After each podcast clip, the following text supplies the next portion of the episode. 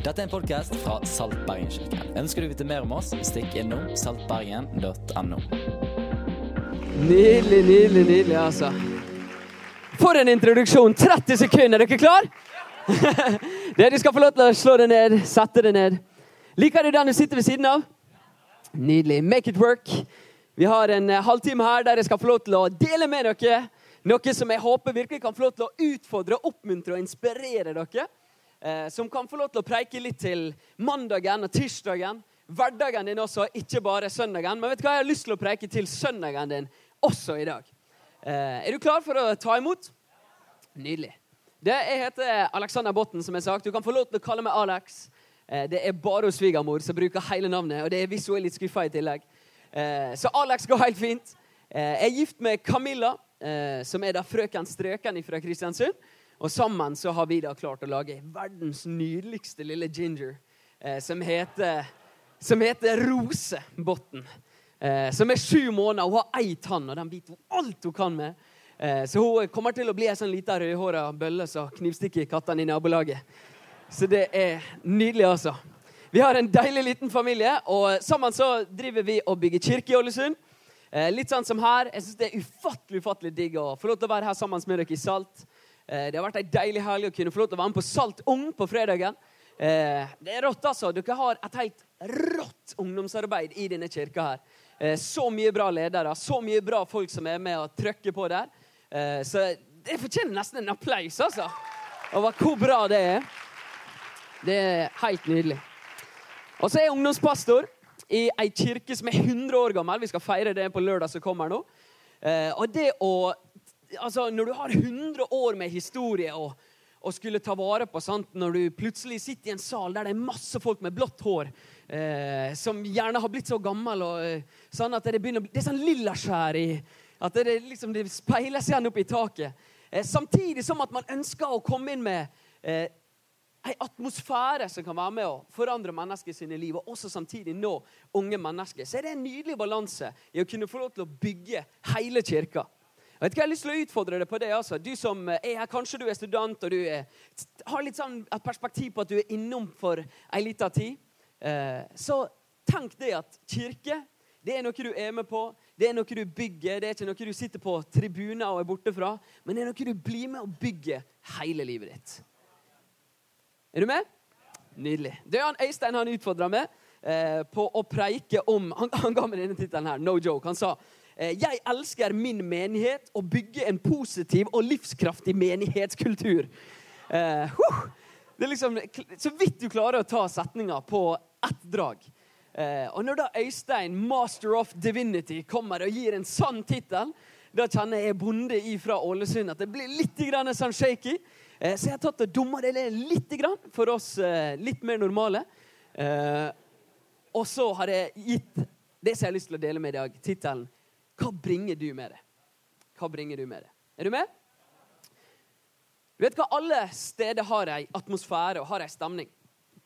Og Det kan du merke veldig godt. Her inne kan du merke det, at her er ei sterk stemning og ei atmosfære. Jeg tror det, Dette rommet her kan føles ganske annerledes ut sånn atmosfæremessig i løpet av uka. Eh, og andre ting som skjer her i dette rommet. Eh, for alle rom bærer med seg ei stemning, bærer med seg atmosfære. Jeg vet ikke om du noen gang har gått inn i et rom der to personer nettopp har krangla. Og liksom Du er happy-clappy, og idet du kommer inn i rommet, så hører du psyko, her er det to stykker som akkurat bare fordi at de hater hverandre. Og idet du går inn, kjenner du bare at du må svømme gjennom rommet. sant? Fordi at det bare, der er en sånn atmosfære som er der inne. Når jeg var yngre og liksom back in the days og ungdomsskolen, og sånne ting, så var det én ting jeg bare elska, og det var leir. Leir. Det var nydelig.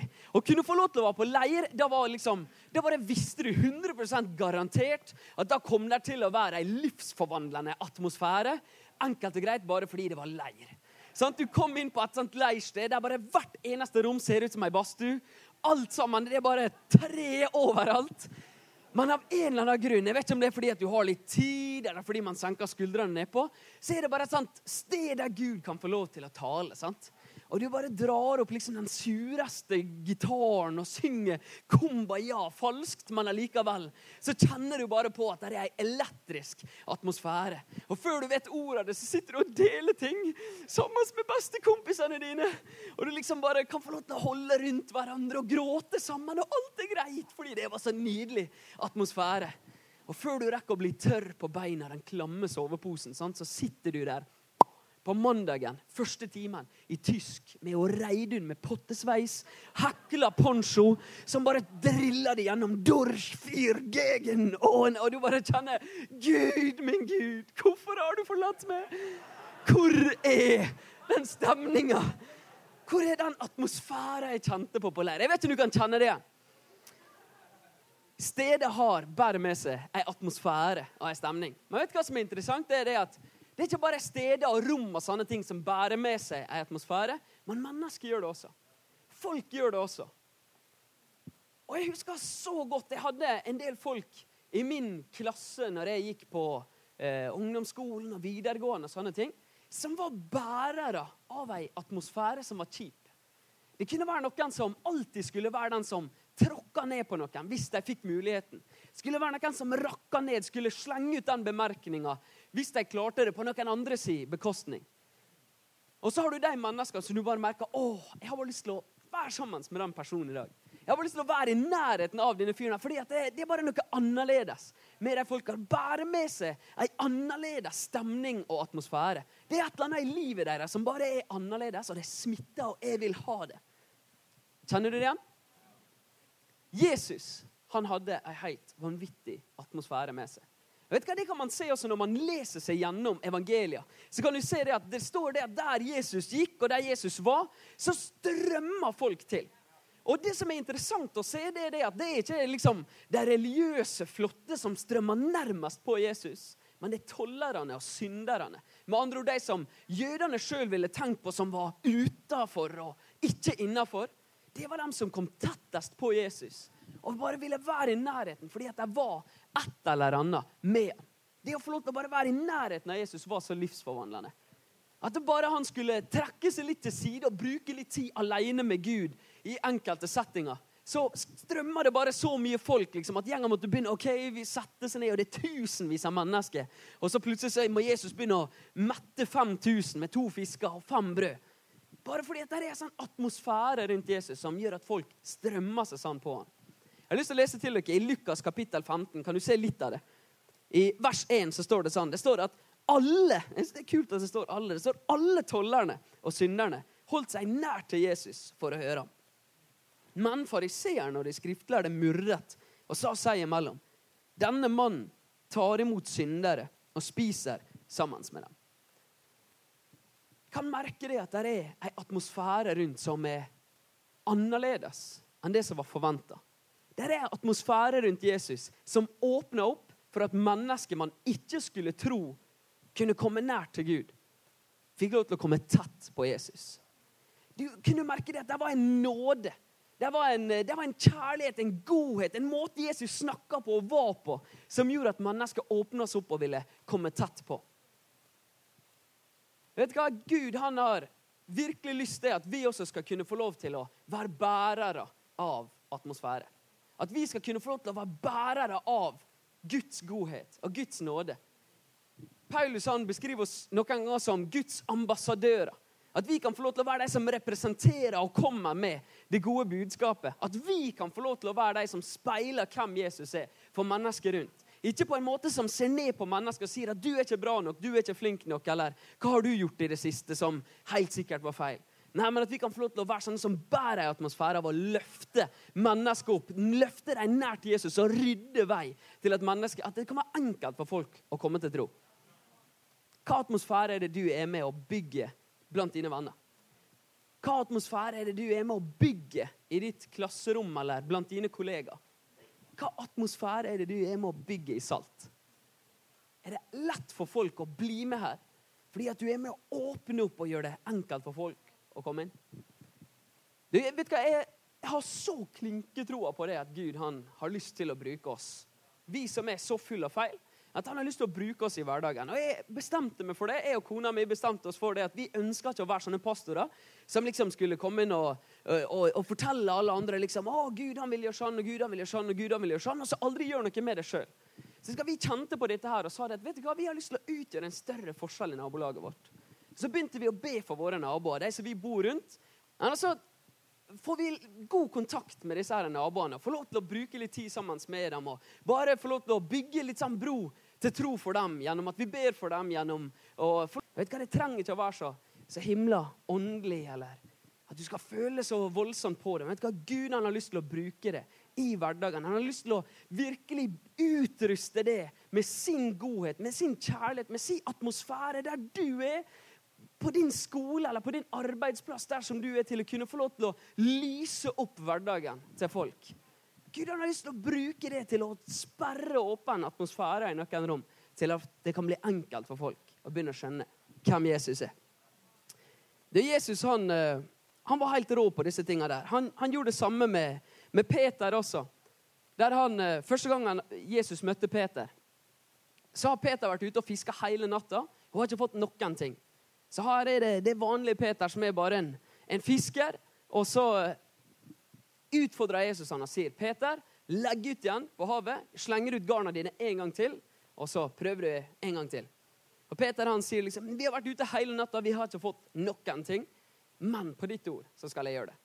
Så drar de ut, og så kaster Peter ut disse her garna en gang til. Og så begynner de å syde og myldre av liv rundt. Og plutselig så begynner de å trekke opp så mye fisk som de aldri har fått. Sant? Og bare fylle opp i båten. Og de begynner å rope på det andre fiskelaget om å komme en, enda en båt så vi kan fylle opp med fisk. Og når Peter til slutt kommer seg til sjøl og skjønner hva i alle dager er det som skjer, så kaster han seg bare ned på knærne foran Jesus. Og så sier han, 'Gå fra meg, jeg er en syndig mann'. Gå fra meg, Jesus, for jeg er ikke verdig til å være med på dette greiene her. Så jeg er så glad for det at det som Jesus gjør her, er det at han strekker virkelig hånda si inn i livet til Peter. Og Så sier han det. ok, greit, Jeg skal ikke finne en annen en som er perfekt, men han sier, 'Peter, følg med, så skal jeg gjøre det til menneskefisker.' Peter, følg med, så skal jeg ta det med på denne reisa. For Peter å få lov til å gå de tre åra sammen med Jesus og bare få livet sitt forvandla, tankegangen sin forandra av å være lærling hos Jesus i tre år, det er helt rått å se på. Jeg har lyst til å vise til dere noe som Jesus fikk lov til å undervise Peter og noen av de andre disiplene om. Jeg har lyst til å lese det først til dere. I Matteus 5 så står det sånn som dette her. Jesus han stiller seg opp sant, på, på, et berg, på et fjell, snakker til hele gjengen som står der. Og Han kunne sagt det som var obvious. Han kunne gått opp der og så kunne han sagt 'Jeg er jordens salt'. Og gjengen kunne tenkt 'Wow, dypt'. Rått, Jesus. Og så kunne han sagt videre 'Jeg er verdens salt' lys.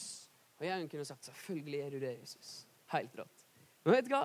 Jesus stiller seg opp der, så kikker han ut på sine disipler. Kikker han ut på sin fremtidige kirke, og så sier han dere er jordens salt. Så kaster han utfordringa til dem. Vers 14 sier han dere er verdens lys. En by som ligger på et fjell, kan ikke skjules. Dere er verdens lys.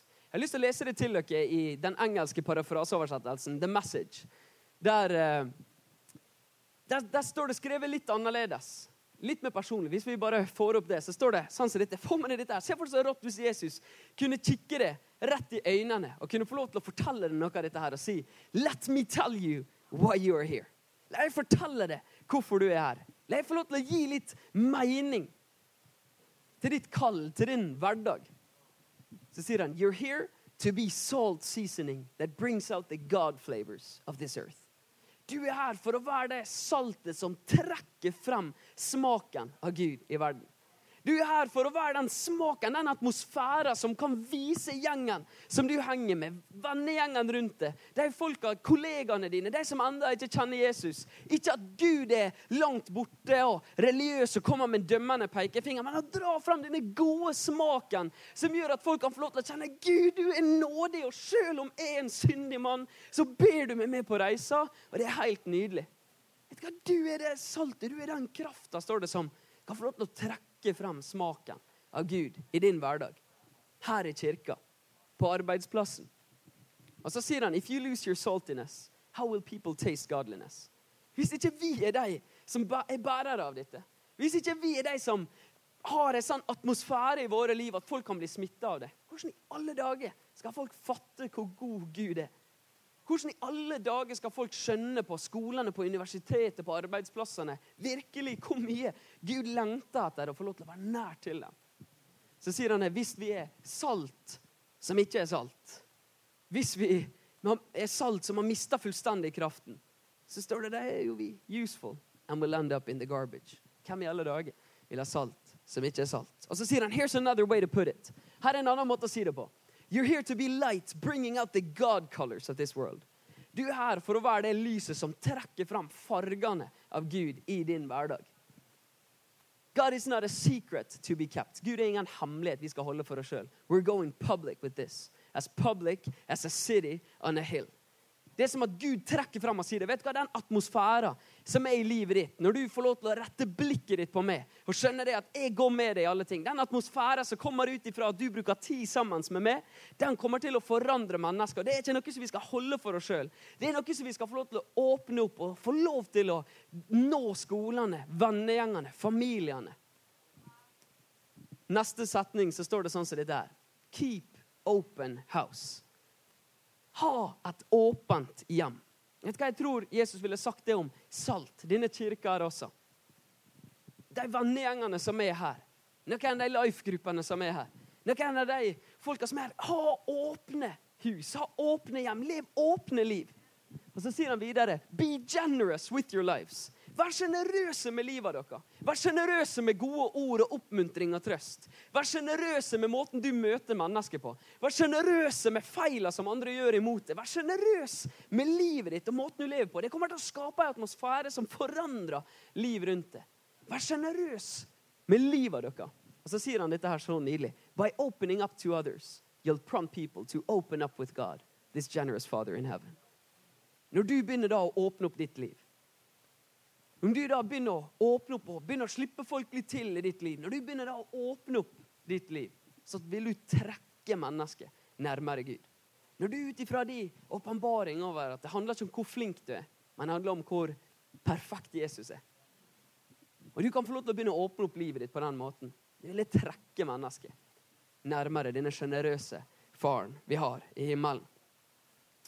Det er så mange folk som bygger atmosfærer i livet sitt. Enten egoistisk, som bygger den for seg sjøl, som bygger den for å oppnå noe.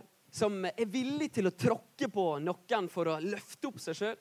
Jeg tror det er Jesus han har virkelig kalt oss til å være sånne atmosfærebringere som forandrer omstendighetene rundt oss. Hva er det du bygger inn i din hverdag? Hva er det du bygger inn i dine kirker? Hva atmosfære er det du bringer med deg? Jeg har lyst til å lese litt til dere fra atmosfæren i den første kirka, som Peter og denne gjengen her får lov til å begynne å bygge. I Apostelens gjerninger 2 så går det an å lese litt om, om den greia der. Jeg har lyst til å lese til dere fra ungdomsbibelen. Der står det så nydelig. Eh, I Apostelens gjerninger 2.42 så står det litt her. Prøv å catche hva som er atmosfæren i denne kirka her. Her står det sånn de troende samlet seg regelmessig for å bli undervist av Kristi utsendinger.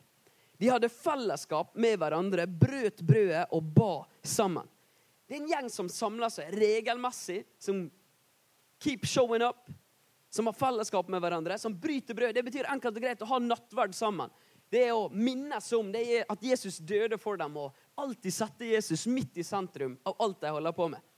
Så står det videre i vers 43, det er interessant, det står at folket, Bergen, gjengen rundt, hadde dyp respekt for de troende. For utsendingene utførte mange mirakler. Nydelig, så attraktivt. Alle de troende var støtt og stadig samlet og hadde alt felles. De solgte det de eide, og delte med hverandre. Alt ettersom hver enkelt hadde behov. For en rå holdning og tankegang det er å ha. At Istedenfor å skulle begynne å tenke sånn at hva er det han har gjort nå som gjør at ah, der røyk den jobben, og så har han kommet opp i denne situasjonen? Hva er det hun har gjort som gjør at hun er i denne situasjonen? Og herlighet, Nå må folk begynne å skjerpe seg. Istedenfor å bringe med seg den atmosfæren, så er det en gjeng som bringer med seg atmosfæren av at vet du hva, om det så er sånn at jeg må selge noe hjemme for å sørge for at du ikke detter av, for å sørge for at du kommer deg gjennom denne tøffe perioden, så er jeg villig til å gjøre det. For en atmosfære så attraktivt det må være for gjengen rundt å se. Denne gjengen der viser ekte kjærlighet. Jeg vil være med på dette. Dette er annerledes. For en atmosfære de har der. Hver dag møtte de hverandre i tempelet. Let's do it. Church every day. I hjemmene kom de sammen for å bryte brød og spise i fellesskap. Der har du life-gruppene. Deres glede og takknemlighet var grenseløs. Hvor nydelig er det å være i en atmosfære der gleden og takknemligheten er grenseløs? Har du noen gang tenkt på, tenkt, uh, kjent på utakknemlighet? At, noen, at, du virkelig legger innsats og energi og kunne gi noe til noen, og så får du bare utakknemlighet tilbake? Jeg og broren min vi, vi var så kreative en dag, og vi skulle gi en gave til en som vi er onkel til. Og Vi hadde kjøpt ei dritfet Spiderman-drakt som var så fet. Den hadde magemuskler i drakta. Og den var så rå at jeg kjente at jeg hadde lyst på den. sant? Og Måten vi hadde pakka den sammen på, var at vi hadde liksom blått, fint papir rundt og så bare masse rød tråd rundt, så den så skikkelig Spiderman-aktig ut også. Og Så kom vi på morgenen og ga denne gava her. Idet han sto opp og liksom Han hadde fått plukka seg ut ei gave, og han valgte denne her, for den så så rå ut. Og så bare river han opp denne greia, tar ut Spiderman-drakta, og så bare hater han den. Og han begynner å grine. sant? 'Jeg ville ha fotballting!' Og jeg kjente bare What the flip? Hva i alle dager? Så irriterende å legge så mye energi ned i noe, og så gråter du det bare gjennom det. Å, så irriterende. Hvor deilig er ikke det når det er takknemlighet og glede? For en nydelig atmosfære det er å kunne få lov til å leve i takknemlighet og glede. Og Det står det at denne kirka har. gleden og takknemligheten var grenseløs. Så står det sånn, De hyller Gud dag og natt. Hele folket holdt av de troende. Og hver dag lot Herren Jesus gruppen vokse ved at flere og flere ble frelst. Gjengen ser på utsida, ser inn og sier dette vil jeg være med på. Jeg vil være en del av dette. Fordi det er en annerledes atmosfære. Det er ikke bare en leder som setter den. Det er ikke bare et lederteam som setter den. Det er hele gjengen som sitter her. Som begynner å ta den utfordringa som Jesus sier med at vet du det er du som er jordens salt. Og det er du som er verdens lys. Take it. Come on. Vær med og bygg den atmosfæren. Hva er det som du lar forme det? Hva er det som du lar forme denne atmosfæren? På samme måte som at Peter lot seg forme av å gå close tett på Jesus over tre år, fikk tankegangene sine forvandla, fikk bestemmelsene sine, prioriteringene sine satt litt opp og ned, så kunne Peter til slutt virkelig bare gå all in for Jesus. Pga. at han fikk lov til å leve tett på og close på han. Og Paulus han utfordrer oss på samme måte. I Galaterne kapittel 5 så utfordrer han oss så mye på hva er det vi skal få lov til å fylle oss med inn, som forandrer atmosfæren i oss og rundt oss. Galaterne 5, 16, så skriver han Paulus han, Han sier jeg oppfordrer dere derfor til å la Guds ånd lede dere, slik at dere ikke gir etter for de begjær som finnes i den menneskelige naturen. Få med dere dette. Deres menneskelige natur vil eh, få dere til å gjøre det som er ondt, men Guds ånd vil få dere til å gjøre det som er godt. Det er en strid som stadig pågår i dere, og som hindrer dere i å gjøre det dere vil. Men dersom Guds ånd får lede dere, er dere ikke lenger slaver under syndens lov som finnes i deres gamle natur. Som Paulus han beskriver det på, på, denne måten her, at Det er som at du har to kontoer på innsida. Det er som at det er to hunder som bor på innsida. Der den ene glefse etter den andre, men den ene er med på å bygge opp. Sette en atmosfære av godhet, Guds ånd, som virkelig kan få lov til å bringe fram fargene av Gud, smaken av Gud i hverdagen. Og så sier han På samme måte så er det en fight hele tida på innsida mellom meg sjøl, som hele tida har så lett for å tenke egoistisk, og heller tråkke ned noen andre for å løfte meg sjøl om. Som, som blir bare en ufyselig atmosfære å være i. Og Så forklarer han Paulus videre det at den som vinner, eh, den som, eh, den som får lov til å vinne fram i oss av disse to hundene, kaller det Eller den som får lov til å vinne fram av det gode eller det onde i oss, det handler om hva er det vi mater? Hva er det vi gir input? Hva er det vi gir rom i livet vårt? Så sier han det. La Guds ånd lede dere. La virkelig Gi plass, gi rom til at Den hellige ånd kan få lov til å begynne å forandre hjertet ditt. Gi plass til at Den hellige ånd kan få lov til å begynne å gi deg en større kjærlighet for de som ennå ikke tror. En større lidenskap for kompisene du studerer med, venninnene som du henger med på fritida, familiemedlem som ennå ikke kjenner Jesus. La virkelig Den hellige ånd få rom til å forandre det. Se videre i vers 22 så sier han når Guds ånd får lede oss, så blir følgende at vi elsker våre medmennesker. At vi fylles av glede, fred og tålmodighet. Vi blir vennlige, vi blir gode mot hverandre, vi blir pålitelige. Vi behandler andre med mildhet, og vi viser sjølbeherskelse. Nydelig, altså. Enkelt og greit når virkelig Gud får lov til å vinne skikkelse i oss. At Guds ånd blir den som leder oss. At istedenfor at vi bruker all tida vår på Netflix, så kan vi også få lov til å bruke tida vår sammen med Guds ånd, som kan få lov til å vinne skikkelse i oss. Sånn at disse tingene her som kalles åndens frukter, kjærligheten til gjengen rundt oss, at vi blir pålitelige, at folk kan få lov til å kjenne at det er digg å henge sammen med det. Den attraktive, gode Gud kan få lov til å bli synlig gjennom det. Hvem er det som får lov til å vinne fram? Jeg har lyst til å avslutte med dette her. Jeg lurer på om vi bare skal få lovsangsteamet opp igjen her. Og så skal vi ta og gå inn for landing. Men eh, jeg har lyst til å komme med et siste poeng også. Det er det at det som vil avgjøre atmosfæren i livet ditt, det som virkelig vil avgjøre retninga, stemninga i livet ditt, det handler om hva du er overgitt til. Det handler om hva du har gitt livet ditt til. Det handler virkelig om hva du er overgitt til. Hvis man er overgitt til å sørge for at du sjøl skal oppnå sånn eller sånn, eller virkelig jage etter at du sjøl skal bli sånn og sånn. Eller at du liksom ser alltid inn på deg sjøl, og det er det som du er overgitt til. Så vil jeg si det at det, etter hvert så vil du finne en ganske tomhet i det. Så vil du finne en ganske tomhet i å, kun, i å fokusere innover og kun ha fokuset på deg sjøl. Hvis du kan få lov til å begynne å se det at det går an å leve for noe større enn seg sjøl.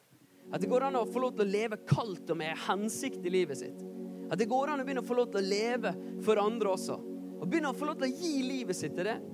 Så vil det være med å forandre hele atmosfæren i livet ditt. Prioriteringene dine, tankegangen din, hvordan du funker. Jesus han sitter til bords med en gjeng.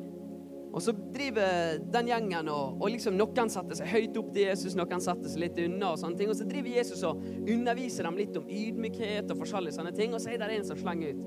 Å, Jesus, Heldig er han som får lov til å sitte liksom, oh, i posisjon med det i himmelen. liksom. Så rått det må være.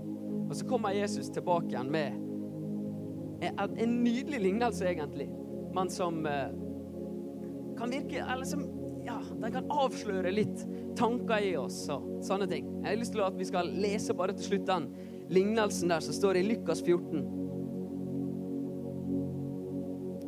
Da står det sånn som dette. Det var en mann som ville holde et stort gjestebud. Sant? Jesus begynner å fortelle til denne gjengen. Og han innbød mange. Og da tiden for gjestebudet kom, sendte han tjeneren sin av sted for å si til de innbytte, kom, for nå er alt ferdig. Det ordet der det er jo akkurat det samme som Jesus sa på korset. Det er det som det er et bilde på. Det er fullbrakt. Det er ferdig. It is finished. Og så står det det, Men de begynte å unnskylde seg, den ene etter den andre. En sa 'Jeg har kjøpt et jordstykke og må gå ut og se på det'. For det er en dårlig unnskyldning. Vær så vennlig å ha meg unnskyldt. En annen sa 'Jeg har kjøpt fem par okser og skal ut og prøve dem'. Vær så vennlig å ha meg unnskyldt. Og en tredje sa 'Jeg har giftet meg og kan derfor ikke komme'. Goodness. Tjeneren kom tilbake og fortalte det til herren sin. Da ble husherren sint og sa til tjeneren Gå straks ut på byens gater og torg og hent inn de fattige, de uføre, de blinde, de lamme. Tjeneren kom tilbake og sa, 'Herre, jeg har gjort som du sa, men det er ennå plass.' Da sa Herren til tjeneren, 'Gå ut på veiene og stiene og nød folk å komme inn, så huset mitt kan bli fullt.' Vet du hva, Dette her er Guds hjerte for, for det og for vennene dine, for klassekamerater, for folk du studerer med for folk som du henger sammen med, for familiemedlem, for folk i din vennegjeng som ennå ikke kjenner Jesus. Det er en nød der, står det, om at Gud lengter etter at huset skal bli fullt. Han får lov til å nøde folk å komme inn og ta imot denne enkle invitasjonen. Og Jesus, da, som blir denne tjeneren som går ut og inviterer folk med på dette her, som sier at alt er gjort ferdig, alt er fullbrakt. Det er bare å ta imot invitasjonen og komme. Han opplever den ene unnskyldninga etter den andre. sant? Den ene sier liksom at ja, vet du hva, 'nå går det så bra på jobben min her'. At eh, akkurat nå så passer ikke det seg. Kanskje seinere i livet eller et eller annet sånt. Akkurat nå, Jesus, får du ha meg unnskyldt, for nå driver jeg på med min greie her. Altså Kanskje er det noen der som sier ja, men ok, vet du hva, nå har jeg akkurat eh, ja, begynt på et nytt universitet. Nå har jeg akkurat begynt på noen nye greier her. Nå har jeg akkurat begynt å henge med, med den og den gjengen. Og det passer ikke så bra akkurat nå, Jesus. Vær så vennlig, ha meg unnskyldt. Så er det noen som sier jeg har nettopp gifta meg. Nå har jeg akkurat begynt litt inn i denne relasjonen her. og liksom, Jeg vet ikke helt hvor denne relasjonen vår er i forhold til tro i det hele tatt. Så vær så vennlig, Jesus, ha meg unnskyldt. Kanskje vi kan ta det igjen seinere. Men vet du hva invitasjonen den går virkelig ut til alle? Og det er invitasjonen som virkelig kan få lov til å være med og forandre hele livet. Det er det om å få lov til å gi livet sitt til Jesus. Det å kunne få lov til å bli kjent med han. Kunne få lov til å sette han på førsteplass. Kunne få lov til å ta imot det han har sagt er ferdig. Det at Jesus døde på korset. At syndene dine, skamma di, alt sammen er tatt bort. At du nå kan få lov, på samme måte som Peter, som visste på samme måte som jeg vet at ja, men Jesus er en syndig mann, så er hånda der akkurat like mye til å si ja, men følg med, da. Så skal jeg forandre det. Følg med, da, så skal jeg gjøre det til menneskefiske. Følg med, da, så skal du få lov til å se hvor er du om tre år, Peter. Tre år seinere så preika han når det var 3000 mennesker som ble lagt til kirka den dagen. Fullstendig livsforvandling. Du, hvor er du? Er du der fortsatt at det er disse her unnskyldningene som, som gjør at vi sier kanskje seinere, vet ikke Jesus, akkurat nå, eh, du får ha meg unnskyldt? Eller er vi klare til å si ja, Jesus, jeg vil overgi mitt liv til det. Begynn å følge det. Tro på det. Så utfordringa, den, den står. Hva er atmosfæra i livet ditt? Hva er det du bringer med deg blant dine venner, blant dine kollegaer, blant de som du studerer med? Hva er det du bringer med deg når du kommer på en gudstjeneste? Hva er det som er atmosfæra i livet ditt? Tusen takk for at du hørte på meg.